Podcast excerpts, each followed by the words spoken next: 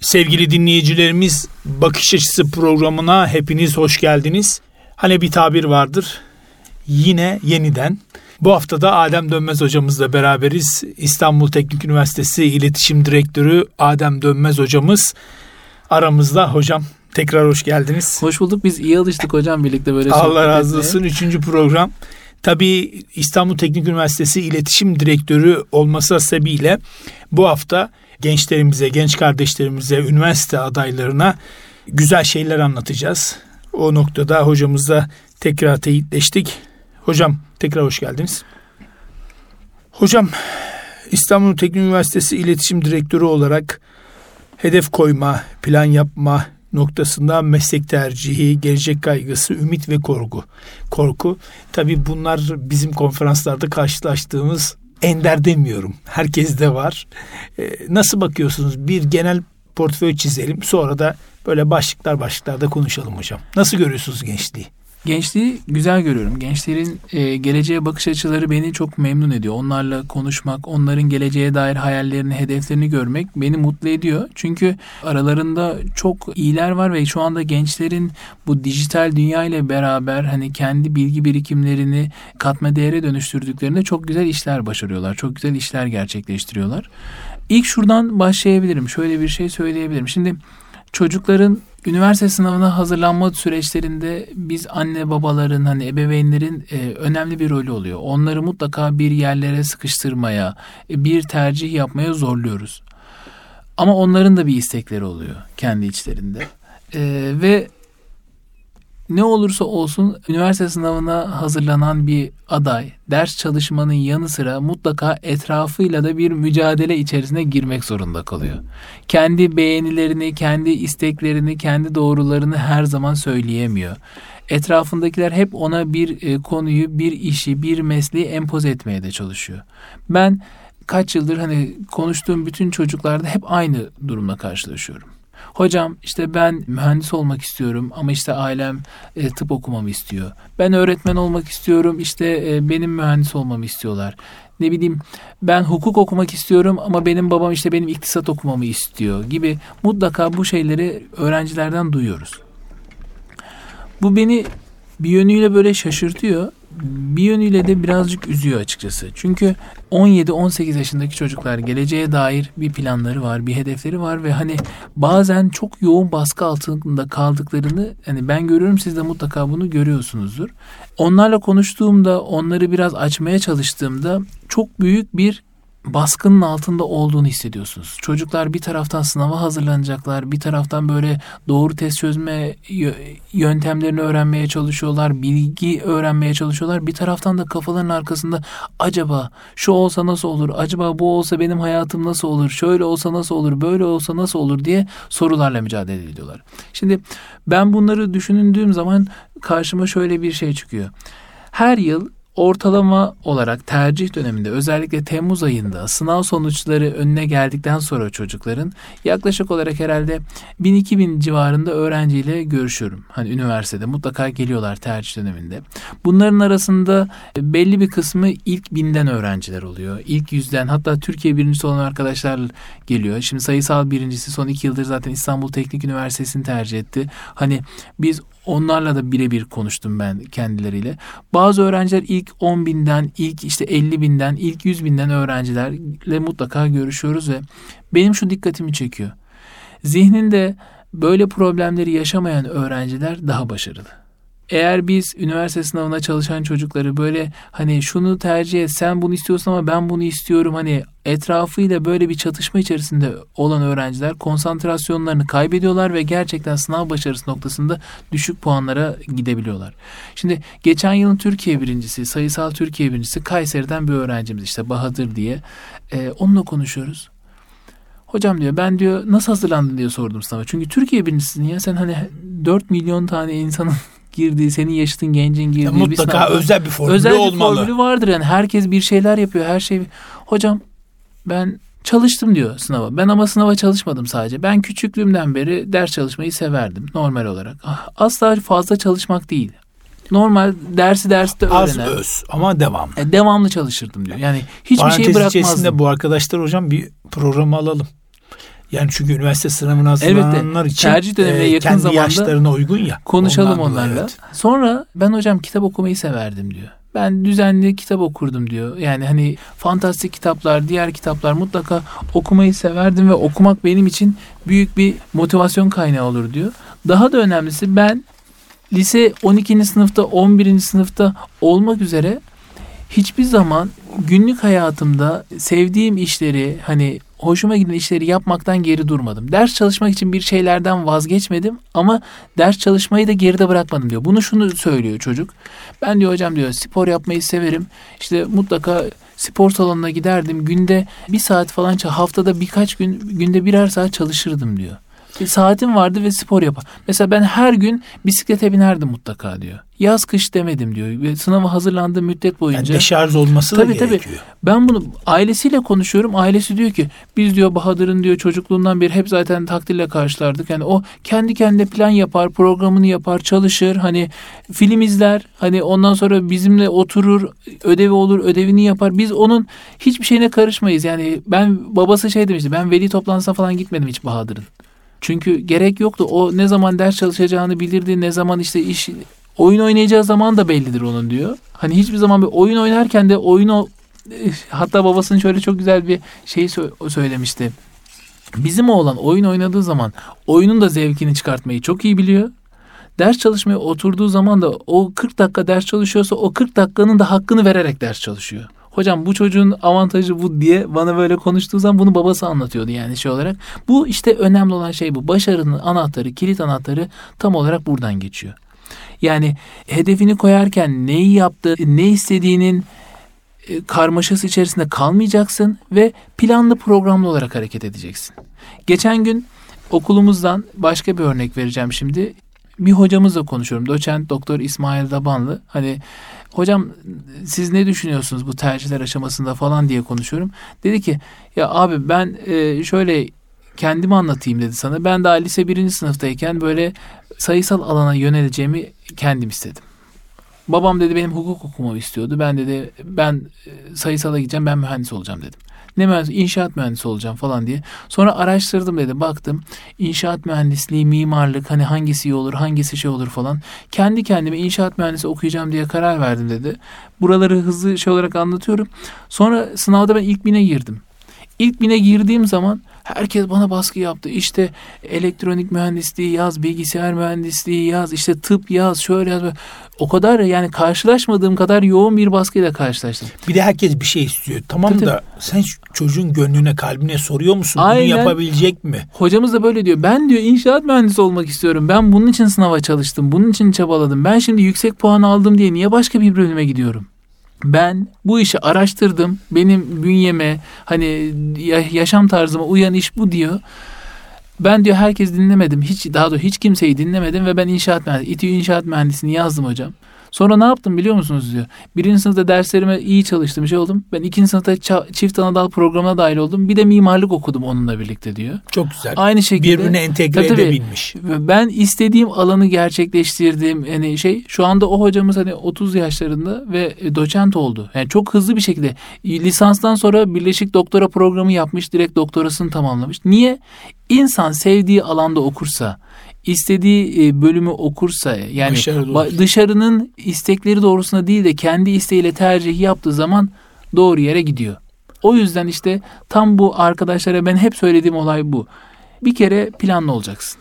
Net. Yani burada başka bir şeyimiz yok. Siz de aynı şeyleri hep söylüyorsunuzdur ama daha sonrasında da etrafını dinle, mutlaka dinle. İnsanlarla konuş. Hani eğer senin zaten kafanda soru işaretleri varsa bunları çöz. İşte tıp hakkında bilme, bilgi almak istiyorsun. Git bir doktorla konuş. Hani e, tanıdığın mutlaka vardır şey olarak yani hani doktor ne iş yapar? Olmasa bile her doktor yardımcı olur. Aynen öyle. Doktor ne iş yapar? Günlük hayatı nasıl geçer? Çalışma standartları nelerdir? Sana uyuyor mu? Bilgisayar mühendisi okumak istiyorsun. Bilgisayar mühendisi ne iş yapar biliyor musun? Hani bunları bir konuşmak lazım. Hani inşaat mühendisi ne iş yapar? Ben şimdi teknik üniversitede olduğum için çoğunlukla böyle hani mühendislik üzerinden örnekler veriyorum. Yani hukuk okuduğum zaman benim başıma neler gelecek? Hani ben ne olacağım? Hani avukatlık, hakimlik, savcılık nasıl bir iştir? Hani bunları araştır. Bunlar senin hayatına uyuyor mu? Ya da öğretmen olduğun zaman neler olacak? Hani bunlar sana uyuyor mu? Bunlara bir bak. Ben hep arkadaşlara bunları söylüyorum. Yani hani ne olmak istiyorsun gelecekte? Hangi mesleği yapmak istiyorsun? Bunu mutlaka e, iyi irdelemeleri, iyi araştırmaları gerekiyor. Evet. Yani Burada şey de var mesela sizlere de mutlaka sormuşlardır hocam çocukken. Büyüyünce ne olacaksın diye sordular. Ne cevap verirdin? tabii bizim iki tane e, düşüncemiz vardı. Bir, birisi siyaset, birisi de futbolcu olmaktı. bizim küçükken şeydik, ilkokulda falan çok topun peşinde koşardık. Sonra işte e, Kur'an kursu hayatı ilkokuldan sonra başlayınca hafızlık yapınca ben tabii yine topu bırakmadım. Topa devam. Babam bir gün dedi ki oğlum dedi sen hafızsın dedi. Futbol dedi hafıza yakışmaz dedi. Tamam istiyorsan halı sahada oyna ama dedi. Yani olmaz dedi yani. Ondan sonra baktım mantıklı geldi yani. Şey şimdi gençsin 14-15 yaşındasın. Kur'an kursundan çıktın. Yine topun peşinde koşuyorsun. Kur'an kursunda da topun peşinde koşuyorduk. Top yoktu da çorapları topluyorduk. Top oluyordu yani. Birleştiriyorsun. Devasa bir top oluyor falan. Ondan sonra bir de yani siyaseti e, şey almıştık. Yani olmazsa bu gibilerinden. Ama e, şimdi bakıyoruz radyo programcılığı yapıyoruz. Eğitim ve, ve kitap üzerine çalışma yapıyoruz. Çok şükür halimiz hamdü sana olsun. İyi ki futbolcu olmamışız. Ben yani bu soruyu bir babamızı de... dinlemişiz. Ama lisede, İmam Hatip'te okurken okul takımında futbol oynadım. Bir de üniversitedeyken de üniversitenin futbol takımında oynadım. Yeter. En son Dubai turnuvasında oynayarak. Burada şu önemli hocam. Büyüyünce ne olacaksın sorusunu soruyorlar ya biz hani hep soruyoruz kendi kendimize. O soruya verdiğimiz cevaplar aslında bizi bir yerlere sürüklüyor. Şöyle sürüklüyor. Mesela futbolcu olmak istiyorum. Hani birçok çocuğun şu anda vereceği cevaplardan biridir.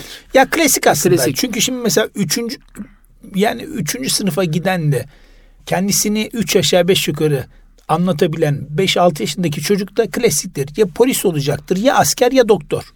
Ben, Avukat demez ama. Aynen öyle. Ama yaş ilerledikçe bu iş artık bakarsın çocuk futbolcu olacağım der. Ama burada şu çok çok önemli.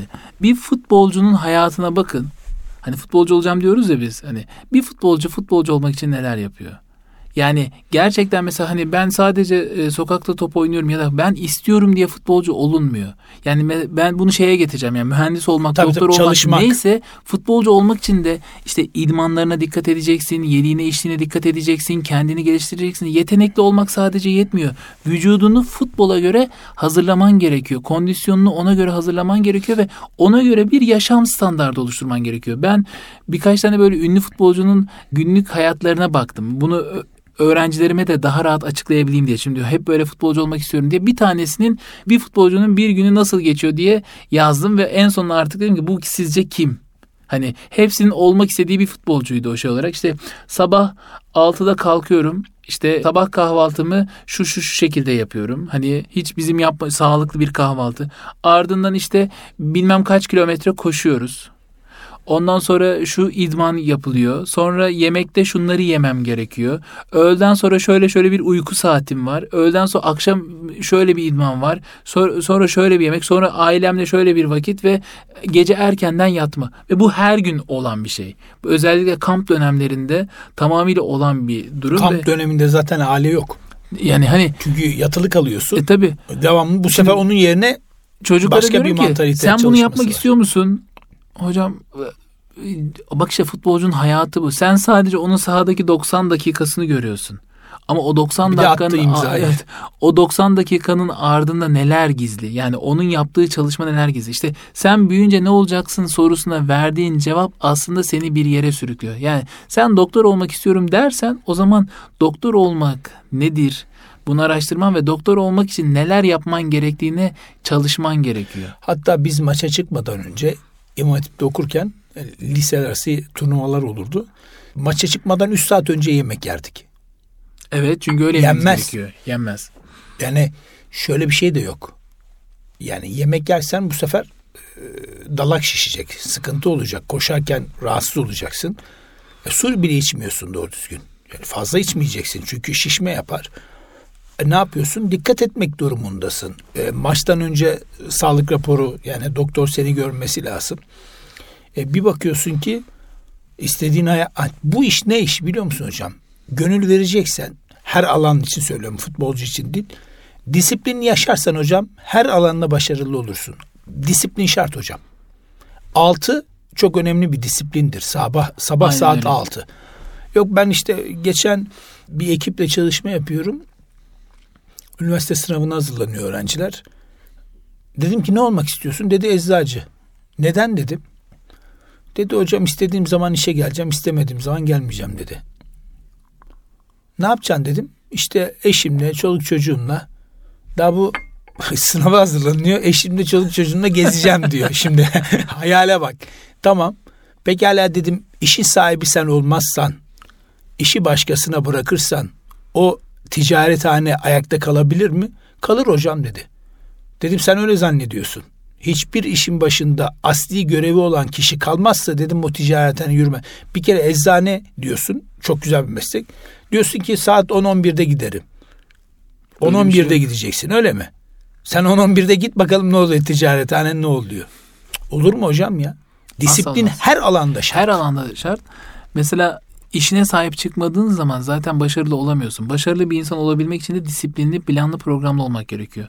Aynı şekilde mesela bana böyle büyüyünce ne olacaksın diye sorduklarında ben e, okulda bir gün öğretmenimiz soruyor böyle herkese sen ne olacaksın, nasıl büyüyünce sen ne olacaksın diye. Bu herhalde 3. sınıfta falan diye hatırlıyorum kendim. Ben yazar olacağım ben dedim. Sınıfta tek yazar olan ben yazar olacağım deyince herkes bana gülmüştü. Çocukluğuma dair güzel anılarımdan biridir bu. Sonra ben gerçekten böyle yazar olmayı düşünüyorum ama şöyle bir kavram vardı o zaman da. Hoca bana şey demişti. Peki yazar nasıl olunur? Hani nasıl yazar olacaksın falan diye bana şey yapmıştı. Ben bu konuyu böyle bir süre böyle şey taşıdım hani. Yani şimdi diyorum ya işte futbolcu olmak için neler yapman gerekiyor, işte doktor olmak için neler yapman gerekiyor. Sonra ben gittim Türkçe öğretmenliği vardı o zaman okulda. Dedim hocam ben yazar olmak istiyorum. Ben yazar olmak için ne yapmalıyım? yazar olmak için neler yapılır? Çok okumalısın. araştırmalısın. Bana o zaman Karalayacaksın. Mutlaka dedi hani planlı olacaksın. Benim o zamandan kalma bir alışkanlık. Belki o hocamı hiç hep böyle ömrüm boyunca hayırla yad ederim kendisine. Allah razı hani, olsun. Allah razı olsun. Hani hayattaysa Allah uzun ömürler versin. Hani Amin. şey gibi Adem dedi bir defterin olsun dedi. Bak dedi. Sonra bunu demekle bırakmadı. Çantasını karıştırdı. Dolabından bir tane defter çıkarttı bana. Başını açtı. Neticeler yazdı. Hmm. Dedi ki bak bu senin neticeler defterin. Dedi ki her gün istisnasız bir sayfa buraya yazacaksın. Ben de seni bundan sonra göreceğim. İstisnasız bir yaz ama ne yazarsan Tabii yaz. yaz. İçinden gelen her şeyi bu deftere yazacaksın. Neticeler defterin. O günün neticeleri bu senin olarak. Yani başından geçen olaylar falan ve sana birlikte sen kitap okuyacağız beraber dedi. Ben sana kitaplar vereceğim. Sen kütüphaneye gideceğiz. İşte kütüphaneden kitaplar alacağız falan. Türkçe öğretmenim benimle böyle ilgilendi ve beni takip etti. Bir süre böyle takip etti. Biz bu takip etme sürecinden sonra bakın hadi ben olayı şeye getireceğim. Sonra aradan sanırım bir yıl falan geçtikten sonra biz hocamla hep böyle şey yapıyoruz. Bir yarışma açıldı. Bizim orada 23 Nisan e, öykü yarışması işte bizim Safranbolu ilçesinde hani böyle herkesin katılacağı falan böyle öğrencilere açık bir yarışma. Hoca geldi benim yanıma bana getirdi bak dedi sen bu yarışmaya katılacaksın. Hocam ben hani daha şeyim dedi ki bak neticelerde yazıyorsun ya şey olarak hani hep konuş sen yazar olmak istiyorsun ya artık başlayabilirsin. Ben bir yazı yazdım. Hocam baktı şey yaptı falan. Sonra biz yarışmaya katıldık. Ben o yarışmayı kazandım. Beni o kadar çok motive, motive etti, etti ki oradaki yarışma. Sonra benim bu okumalarım, her şeyim. Şimdi yıllar içerisinde bakıyorum hala da evet yazar hoca beni gerçekten yazar olmak hani ben yazar olmak istiyorum dedim ya yazar olmak isteyen çocuk olarak beni nasıl yazar olmam gerektiğine dair e, bir sınava tabi tuttu. Bu benim için çok çok önemli bir kavram gibi geliyor. Yani ne olmak istediğini bilip doğru rehberlerle, doğru insanlarla tanışıp e, doğru bir planlama yaptığın zaman hedefine doğru yürüyebiliyorsun. Bu önemli. Evet gerçekten yani eğitimci olmak, yazar olmak tabii ki çok değerli, çok güzel, çok kıymetli. Öğretmenlerimiz bizim tabii başımızın tacı. Ee, Allah Resulü Peygamberimiz Hazreti Muhammed Mustafa sallallahu aleyhi ve sellem Efendimiz de bir öğretmendi. Evet. Onun için çok değer veriyoruz. Kaldığımız yerden devam edelim. Tabii ki hocam. hocam. Ama bir kısa ara verelim. Kısa bir ara verelim sevgili dinleyicilerimiz. Programımıza kaldığımız yerden devam edelim inşallah. Huzur bulacağınız ve huzurla dinleyeceğiniz bir frekans. Erkam Radyo, Kalbin Sesi. Kıymetli dinleyenler bakış açısı programımız devam ediyor. Efendim Adem Dönmez hocamızla beraberiz. Hocam ilk programımızda konuştuğumuz gibi hedef koymak, plan yapmak, planlı yaşamak, yazar olmak veyahut da nasıl yazar olunur bu. Ben şimdi konferansa gidiyorum. Konferansta yetişkinler yani lise talebeleri çok sormuyor da mesela böyle biraz hani dördüncü sınıf, beşinci sınıf, altıncı sınıf öğrencilerle muhatap oluyoruz. Hemen soru şu oluyor. Hocam yazarlıkta para var mı? Siz nasıl geçiniyorsunuz? Ondan sonra olay be, beni sanki böyle böyle çok düşünüyorlarmış gibi geliyor. Yani benim için üzülüyorlarmış gibi geliyor. yani şey gibi.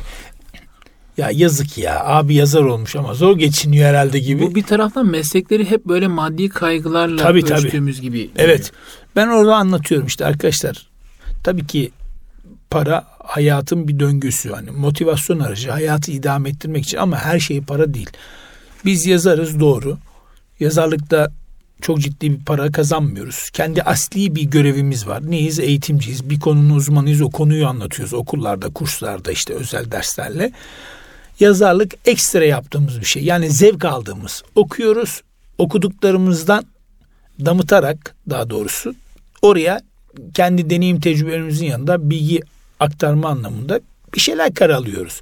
Hatta bazen öyle oluyor ki yazdığımı beğenmiyorum. Gidiyorum bir de sevdiğimiz bazı abilerimiz var bu konuda. Hani okuma noktasında bizden üstün olduklarını düşündüğümüz. Abi diyorum bir baksana şuna diyorum. Ondan sonra bakıyor. Diyor ki bir şey yok diyor. Ya diyorum ki kulağıma bir şey tırmalıyor. Yani bir şey bir eksiklik var diyorum yani ondan sonra. Bazen diyor ki mesela yok hocam Ahmet'im bu, bu, bu iyi elleme. Veyahut da çok üstelediğim zaman biraz hani kelime oyunuyla beni şey yapmaya çalışıyor, avutmaya çalışıyor. Tabii üstüne koyuyorsunuz hocam. Şimdi bunun bir okulu yok. Hani şey olarak resmi olarak baktığında bir medya okur yazarlığı gibi bir şey değil bu. Ee, biraz da Allah ile biraz da okuyarak yazarak sizin başınıza geliyor mu bu?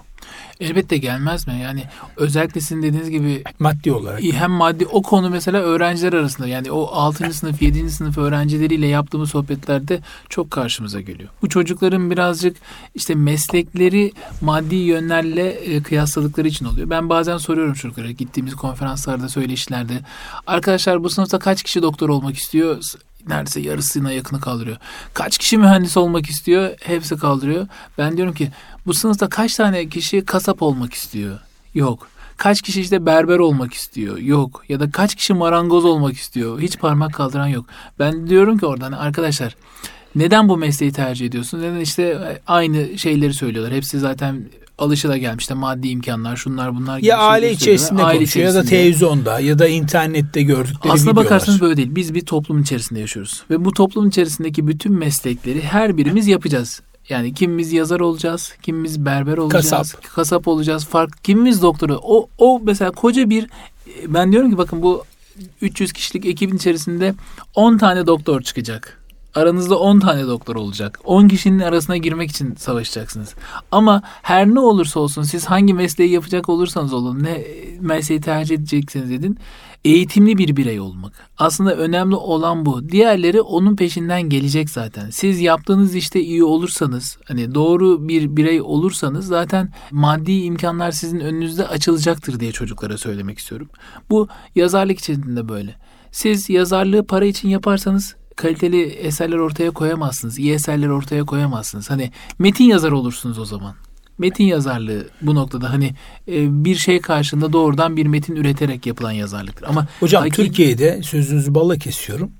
Bir yazar, herkesin tanıdığı bir yazar ciddi bir rakama transfer oldu. Evet. Biz bir gün böyle yine radyodayız. Polisiye türü yazan bir abimizle beraber sohbet ediyoruz. Dedi ki önceki eserleri için Dedi harika.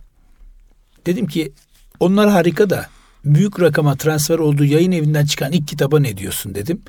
Dedi ki beğenmedim dedi. Neden beğenmediğini söyleyeyim mi?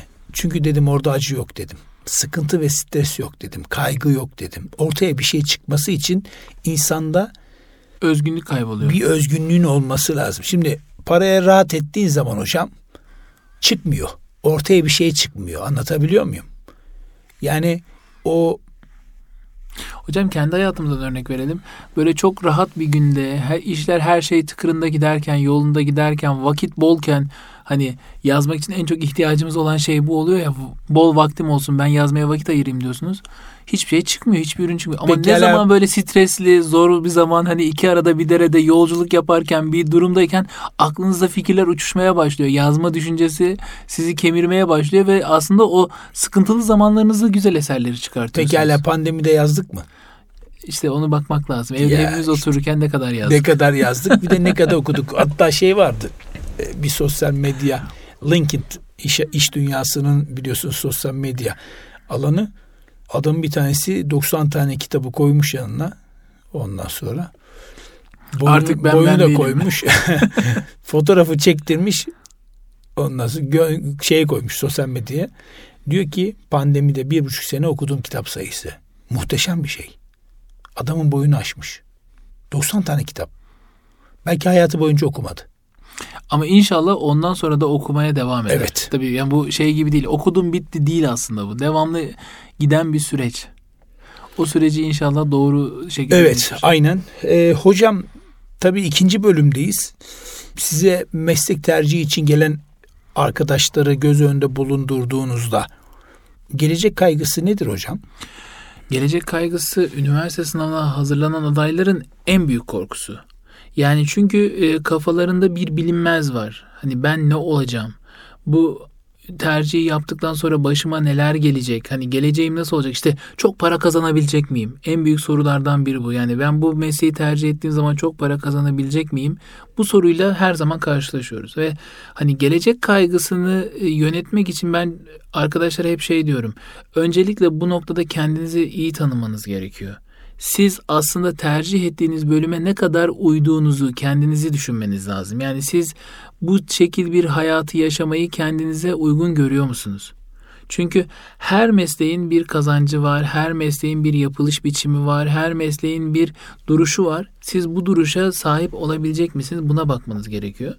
Bir de etrafınıza biraz kulaklarınızı kapatın diyorum ben çocuklara. Özellikle bu tercih dönemindeki çocuklara. Gelecek kaygısını yönetmek noktasında. Çünkü evet gelecek kaygısı belli bir noktada olduktan sonra insanın e, çalışma azmini yükselttiği ölçüde kaygı duymak iyidir. Hani ölçülü olarak kaygı duyuyorsanız hani bu noktada iyidir. Sizi çünkü azminizi güçlendirir. Hani işleri savsaklamamanızı sağlar ve hani planlı bir şekilde çalışmanızı sağlar. Ama ne zaman ki bu kaygı her şeyin önüne geçerse o zaman sıkıntılı olmaya başlıyor.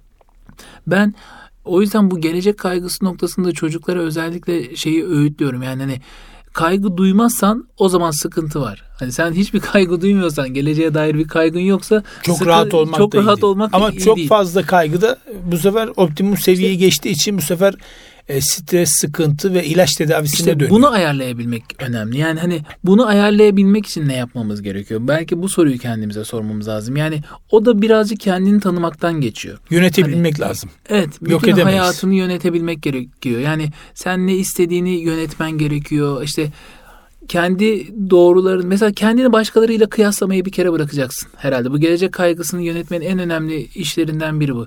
Ya o öyleymiş de bu böyleymiş de işte şu arkadaşım çok daha iyi yapıyor da o matematiği benden iyi çözüyor. Ben niye onun gibi çözemiyorum? Bu bir farklı hepimizin farklı iyi tarafları vardır. Farklı öne çıkabilecek yönlerimiz vardır.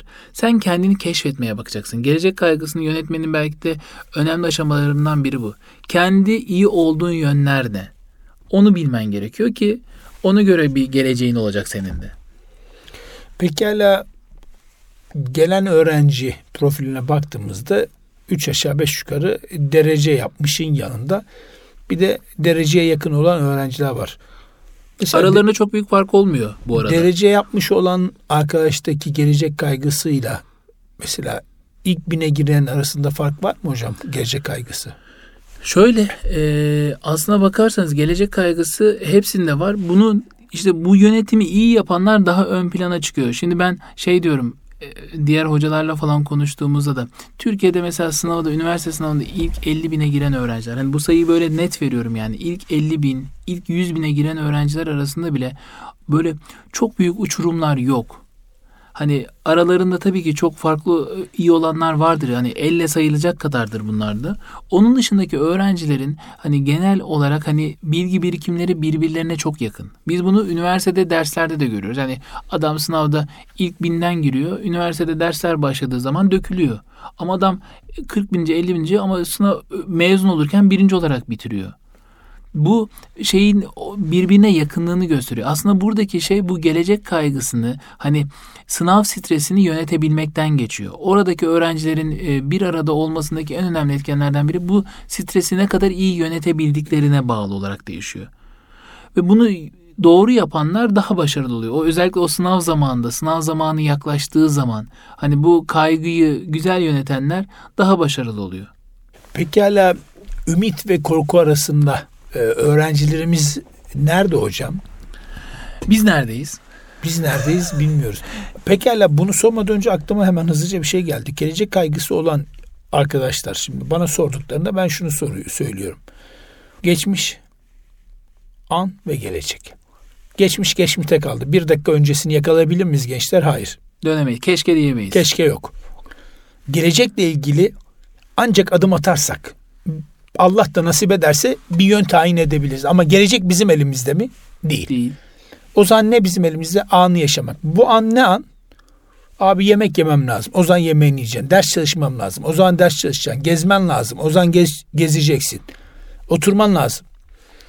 Yani senin o, o an ne yapman gerekiyorsa onu yapman lazım. Onun dışında bir iş yaptığında bak kaçırıyorsun. İşte burayı doğru yapanlar zaten başarılı oluyor. Yani ders çalışmak için masanın başına geçiyorsun. Kafan televizyonda. Çalışamıyorsun. O zaman kalk televizyon izle. Ya da zırt pırt WhatsApp'tan mesaj geliyor. Bakıyorsun mesaja. Ben diyorum ki o telefonu sessize alacaksın. Titreşim değil. Bir de yan odaya koyacaksın. Aklın o telefonda olmayacak. Dersin çalış. Dersin bittikten sonra geç o telefonla vakit geçir. Arkadaşım bilecek ki cevap vermiyor. He tamam Ahmet derste. Deme. Bir de hayır demeyi bilmiyorlar. Yani şunu demiyor. Arkadaş arıyor diyelim. Örnek. Hadi Ayşe gidelim. Mesela kız arkadaşlar birlikte çıkacaklar ya da erkekler. Hadi Ahmet gidelim. Sen orada şunu diyebiliyorsan on numara beş yıldız iş yapmışsındır. Ya Mehmet çok güzel ben de istiyorum ama benim şu anda ders çalışmam lazım. Ayşe ben de istiyorum ama benim şu anda bir buçuk saat ders çalışmam lazım. Bir buçuk saat sonra e, ararsan o zamanki programın akışına göre değerlendirebiliriz. Yani arkadaşın her aradığında evet deyip çıkıyorsan zaten yetiştirme şansın yok. Hocam pekala şunu soracağım.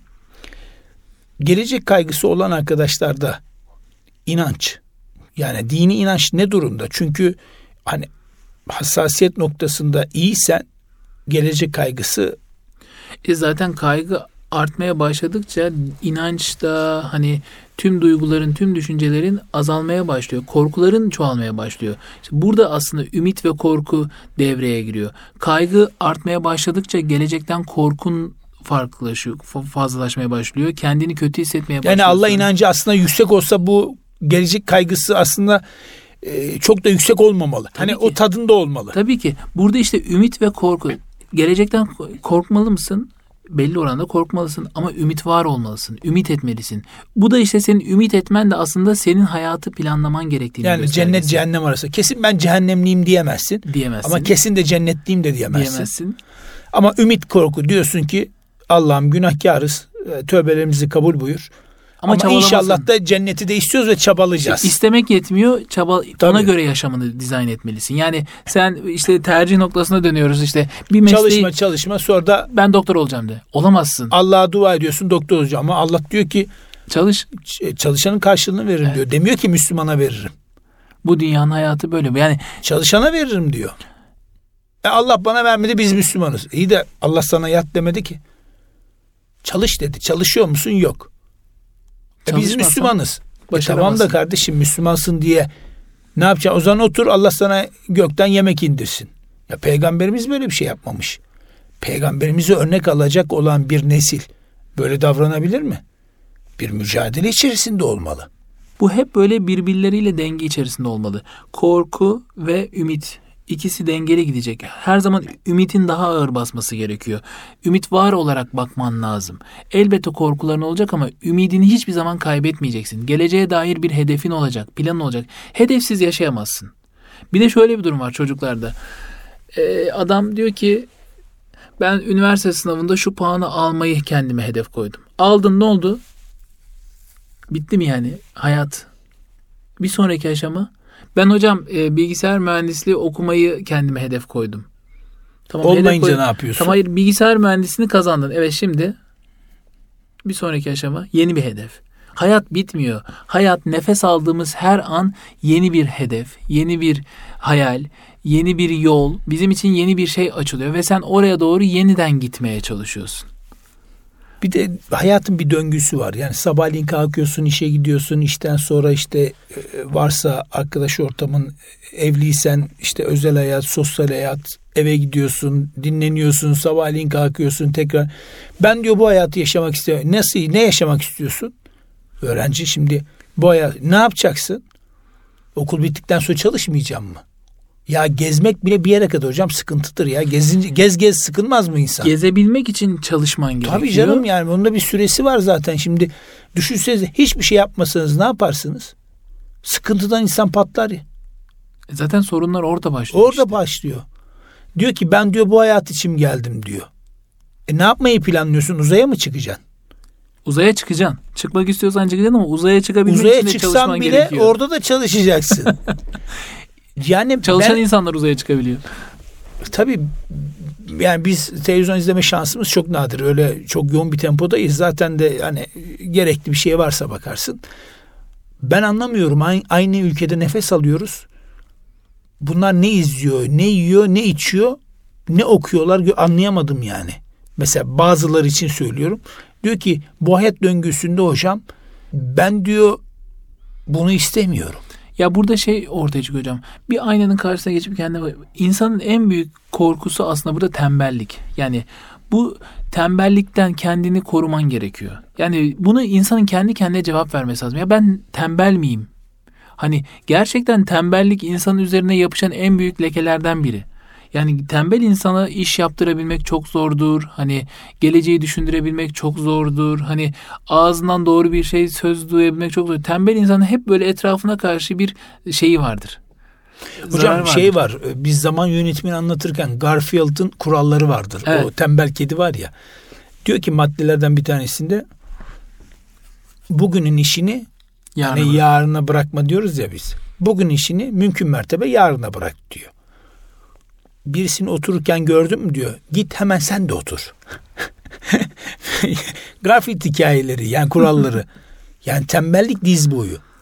O zaman e, diyorsun ki mesela tamam bu kısır döngü diyorsun. Hayat döngüsü diyorsun. Adına ne koyarsan koy. Sen bu hayatta senin annen babanın yaptığını ataların geçmişte yaptı. Şimdi bundan sonra da diğer insanlar yapacak ama sen bunu beğenmiyorsun. Pekala ne yapmak istiyorsun? Hocam oturmak istiyorum. Oturmak, Otur, oturmak bile aslında bir iştir. Nasıl oturacağın da önemli. İşte. Çalışarak mı oturacaksın yoksa böyle boş boş bakarak mı? Yani hayatı sorguluyor musun? Gökyüzüne bakıp aman Allah'ım ya Rabbi ne kadar büyük bir dünya yaratmışsın mı diyorsun yoksa böyle boş boş mu bakıyorsun? Yani filozof mu olacaksın? O da yok. E ne olacaksın?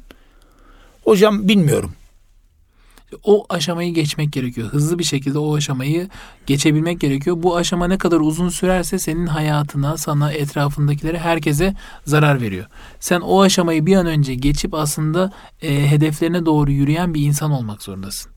Biraz önce dediğiniz bir şey vardı ya sizin. Geçmiş zaman geçmişte kaldı. Geleceğe müdahale edemiyorsun. Sen şu anı yaşamak zorundasın.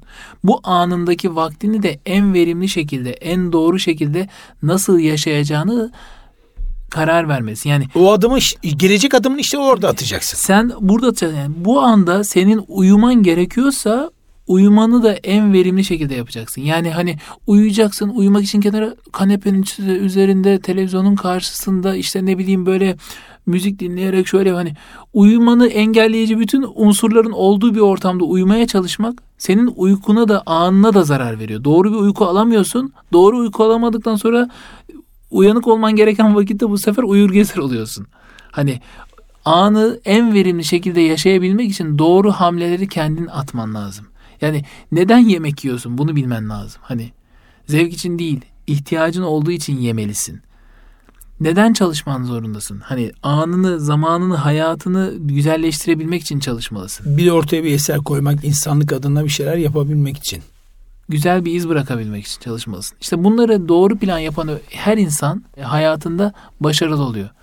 Başarılı olan insansa hani bu başarıyı da sadece maddiyatla veya başka bir şeyle anlatmak değil. Başarı demek aslında senin e, hayalini kurduğun işlere ulaşabiliyor olman demek diye düşünüyorum ben. Evet, e, gerçekten zor ama imkansız değil. E, evet. Allah'ın izniyle biz Müslümanız. Yapabileceğimize inanıyoruz. Hani bir öğretmenin söylediği gibi öğrencilerine bir insan bir mesleği icra edebiliyorsa oğlum sen de yapabilirsin. Aynen öyle. Yani buna inanmak lazım kalben. Ee, Müslümanız. Elbette inanıyoruz. Korkularımız olsa da ümit varız.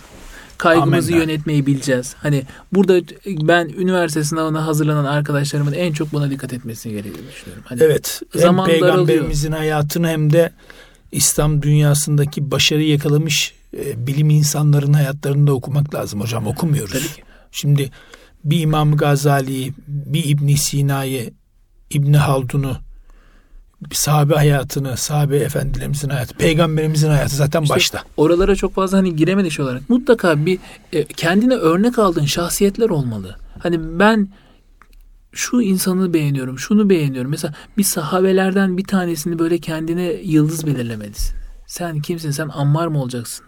Sen Hamza mı olacaksın? Hani sen Ali mi olacaksın? Hani hangi sahabesin sen? Sen kendini seçmen lazım. Sahabeni seçmen lazım. Tabii Kendine, şey Şami mi olacaksın? İşte, Ömer Muhtar mı olacaksın? Mahkum Eks mi olacaksın? Sen kimsin? Yani hani bir sen kim gibi olmak istiyorsun? Hayatın neye göre planlamak istiyorsun? Bunları görmen lazım. Örnek şahsiyetlerin olması lazım. İşte bunların her biri aslına bakarsanız sizin kaliteli bir hayat yaşamanızı, doğru bir hayat yaşamanızı gerektiriyor kaliteli bir hayat yaşamak da hani ben son sözün sonunda meslek tercihi şu bu falan hani eğer arkadaşlarıma şey bir şey diyebilecek olsam şunu söylerim yani bırakın ya maddiyatı öne koymayın bakın hani siz doğru bir tercih yaptığınızda huzurlu kalbiniz huzurlu olduğunda mutlu olduğunuzda emin olun ki maddiyat bunun arkasından gelecek. Kendiliğinden. Gelecek. Sen maddiyatı Çünkü beğendiğin düşünme. için daha çok güzel verimli çalışacaksın. Ve başarı Zaten gelecek. Başarı, başarı gelecek. geldikten sonra maddiyat da mutlaka gelecektir. Allah'ın izniyle o zaman geleceğimiz yaşam koşullarımız değil vereceğimiz kararlar belirler diyoruz ve programı tamamlıyoruz. Adem Hocam ayaklarınıza sağlık çok teşekkür ben ediyoruz. Ben teşekkür ederim beni misafir ettiğiniz konu kaldığınız için. Allah razı olsun. Kıymetli dinleyenlerimiz bakış açısı programımızı burada tamamlıyoruz. Efendim hem bu programı hem de geçmişteki programlarımıza ulaşabilmek ve dinleyebilmek adına erkamradyo.com web sayfamızdan ulaşabilirsiniz. Önümüzdeki hafta aynı gün ve saatte tekrar görüşmek ümidi ve duasıyla Allah'a emanet olunuz.